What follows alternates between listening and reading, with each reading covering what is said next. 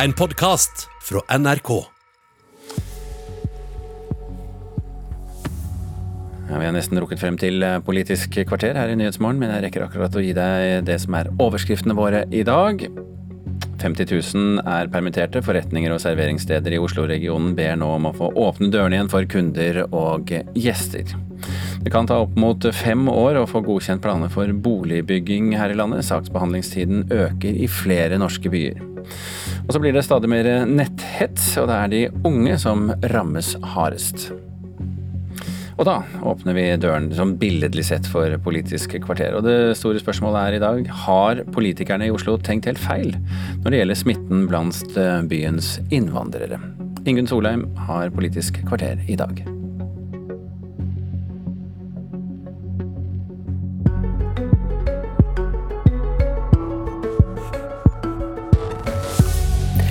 Den høye smitten blant innvandrere skyldes ikke trange heimer eller utsatte jobber, viser ny rapport fra FHI. Frp svarer hva var det vi sa, men hva hjelper det? I ettermiddag er det venta en mer konkret gjenåpningsplan for Oslo, byen som har vært nærmest stengt i over fem måneder. Hvis NHO får det som de vil, letter også regjeringa snart på innreisereglene for arbeidsinnvandrere. Tåler Oslo det? Det skal vi diskutere litt seinere her i Politisk kvarter. Før jul i fjor starta diskusjonene om hvorfor det er mer smitte blant innvandrerbefolkninga. Mange politikere la til grunn at det skyldes trange heimer, usikre jobber og andre sosioøkonomiske årsaker. Frp sin forklaring var at innvandrerne ikke kjenner på det samme ansvaret for å følge smitteverntiltakene, men egentlig var det ingen som helt visste. Nå har FHI sett på hele pandemien under ett og konkluderer med at trange heimer ikke er hovedforklaringa. Det er faktisk sånn at norskfødte som bor trangt, har mindre risiko for å bli smitta enn utenlandsfødte som ikke bor trangt. Så Jon Helgheim, innvandringspolitisk talsperson for Frp. Først vil vel du bare si hva var det jeg sa? Ja da, Det kan man sikkert si, og du har nok rett i at man kommer ikke videre i verden med å bare si det. Men det er nok en veldig viktig læring i eh, det vi nå ser. For vi har jo sett et samla forskerkorps, eh, samla politikerkorps eh, og kommentatorkorps i pressen som har pekt på yrket Eh, blant innvandrere, trangboddhet, eh, utenforskap eh, og sosiale forhold som hovedårsak. Og Det har vært sagt på inn- og utpust at det er forklaringen, selv om det hele veien har bare vært basert på synsing. Det har vært en, en teori som aldri har blitt bekrefta. Så fort den har blitt undersøkt, så har den blitt avkrefta. Er Avkrefta er vel kanskje å dra det litt langt. for det, Bare for å ta den rapporten, da, en sier at det er ikke hovedforklaringa, det er en del av forklaringa. Det står at det i liten grad forklarer, og når det står det i en forskningsrapport, så kan du nok eh, legge til grunn at det i liten grad forklarer. Så det er ikke eh, forklaringen. Eh, og det som er veldig rart, er jo at byråden her i Oslo og flere andre politikere, og også forskere, og det er jo skremmende, har fortsatt med disse forklaringene etter at disse rapportene kom. Sånn som f.eks. at yrke forklarer at man har yrker da, som ikke gjør at du kan ha hjemmekontor. Det forklarer den høye smitta.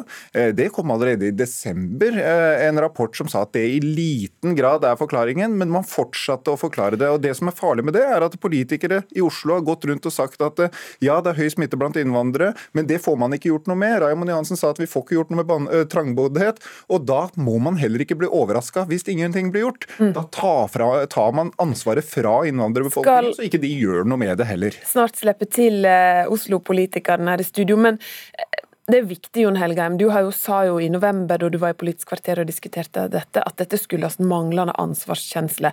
Da hadde du også bare anekdotiske eh, bevis på det. Du har heller ikke fått nye forskningsmessige bevis på at de forklaringene er rett. Det er flere i de rapportene som, eller vendinger i de rapportene som peker mer i den retningen, men jeg var også veldig klar på å ta forbehold at jeg heller ikke vet.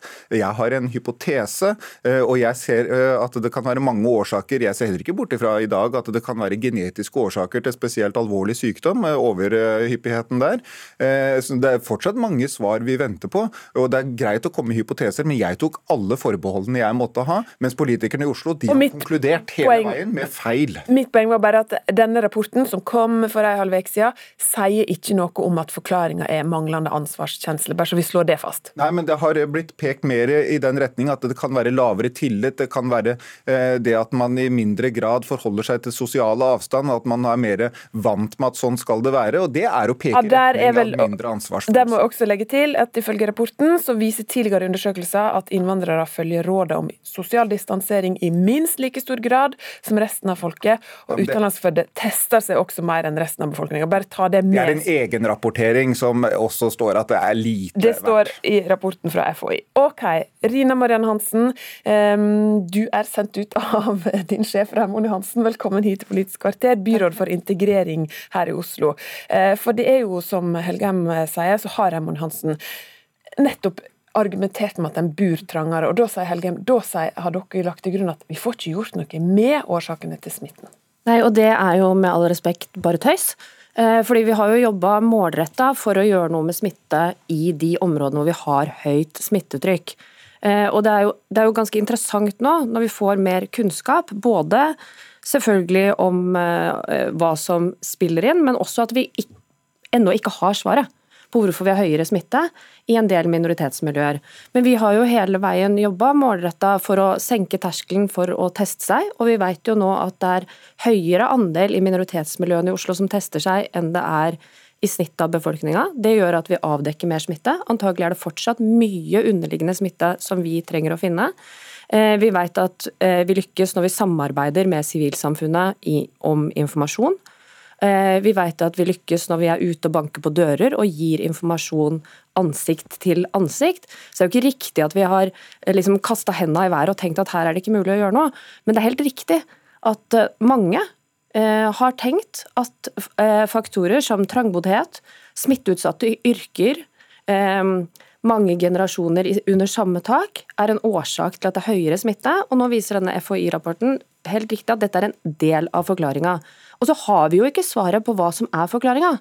Fordi både denne rapporten og den rapporten eh, FHI kom med 15.3, viser jo at det er, det er høyere grad av eh, etterlevelse, og også mer eh, positivt syn på smittevernrådene, og at man skal leve, følge dem i deler av minoritetsbefolkninga enn det er i befolkninga generelt. Så vi, mest av alt så har vi jo ikke svaret. Det fine for oss, som jo har det operative ansvaret og ikke bare trenger å sitte og kaste ut av oss hypoteser om ting, er jo at vi kan fortsette å jobbe for å, for å hindre smitten i å spre seg. Og det gjør vi jo. Og nå lykkes jo Oslo. Vi får smitta ned, selv om det har vært veldig høyt. Men eh, det store spørsmålet blir jo, når de nå ikke kan si lenger at det at de bor trangere er grunnen, får det da konsekvenser for hvordan de jobber fremover? Nei, for oss så har vi jo, Det er jo flere ting som, eh, som er bakgrunnen for oss. Denne rapporten er selvfølgelig viktig, men vi ser også på tall som sykehusinnleggelser, hvor jo eh, enkelte minoritetsgrupper er overrepresentert. Det er selvfølgelig også grunn til bekymring, at man blir sykere. Så vet vi jo heller ikke noe om grunnen til det. Eh, Det Helgheim refererer til om genetiske årsaker, sier jo også denne FHI-rapporten at her går eh, resultatene i i motsatte retninger. så det er det jo altfor tidlig å si noe om. Man har ikke noe entydig svar. Det viktige for oss er jo at vi ser at vi fortsatt har høy smitte i enkelte deler av byen, i enkelte miljøer i byen. Og da må vi jobbe målretta inn mot de miljøene. Så vi har laga det som kalles en intensivert TISK-strategi, hvor vi jobber enda eh, mer i de seks mest smitteutsatte bydelene. Har mer oppsøkende virksomhet, mer ambulerende teststasjoner, fordi vi må jo avdekke Ok, smitten. Helgheim, du frykter jo at, eh, at eh, enkelt sagt at en har lagt feil eh, forklaring til grunn, og at det har hatt konsekvenser for smittevernstiltak og arbeidet mot for å begrense smitten eller stanse den i Oslo.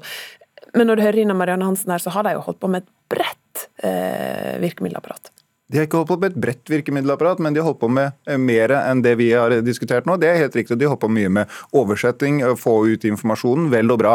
Ingenting tyder på at det er der proppen har ligget. Ingenting tyder på at det er språk som egentlig har vært hovedproblemet. fordi det har ikke blitt noe bedre over tid med massiv eh, satsing på eh, tolkning. Det var en liten periode hvor smitten blant somaliere gikk ned. Men Det er vel og bra at man har eh, prøvd uh, mye, og Oslo har gjort mye bra. Det har jeg vært uh, villig til å innrømme før også. Men når det kommer til innvandrerbefolkningen, så har det vært en berøringsangst, og det kommer man ikke bort ifra. Man har ikke turt å ta tak i det, og Raymond Johansen har på inn- og utpust sagt at eh, trangboddhet får vi ikke gjort noe med. Og det er å kommunisere til innvandrerbefolkningen at dere får ikke gjort noe med det. Og hva derfor, skulle en gjort, Helge?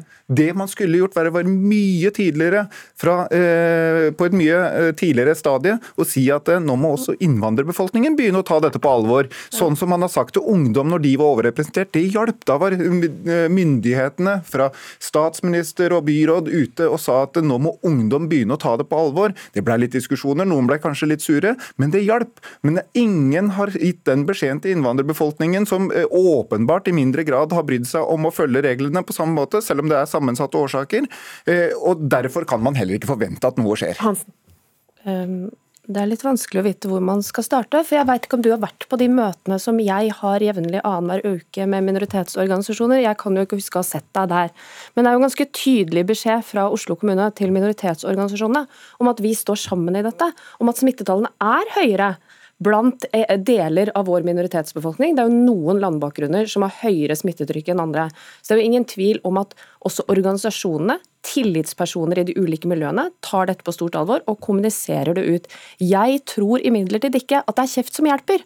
Eh, jeg tror faktisk ikke at det var kjefting på ungdom som hjalp heller. Jeg tror at det at vi har vært nødt til å stenge ned skolene jeg kjefting, jeg sa Du sa be dem skjerpe seg. Det er jo beskjed om Sorry. at man må begynne å ta det på alvor. Okay, men der jeg kommer fra, høres det ut som kjeft. Ja, men Da vet ikke jeg hvor du kommer fra, men det er en voksen og god måte å si ifra at nå må man begynne å ta det på alvor. For Jeg sier bare at man skal si akkurat det samme, og forvente akkurat det samme fra innvandrerbefolkningen. Det er oppegående mennesker som tåler å få en klar beskjed. Og men det har ikke byrådet i Oslo evna å gjøre. Jeg tror jeg har bedre oversikt over hva jeg har kommunisert men enn det du har. Men nå har du vist at det har du ikke hatt gjennom hele det pandemien. Og, og, da er det kanskje på tide å bli litt mer ydmyk og, og begynne å se på de Vi jobber målretta inn med ulike sivilsamfunnsaktører. Og det som er ekstremt viktig, er jo å få folk som har stor tillit i de ulike miljøene.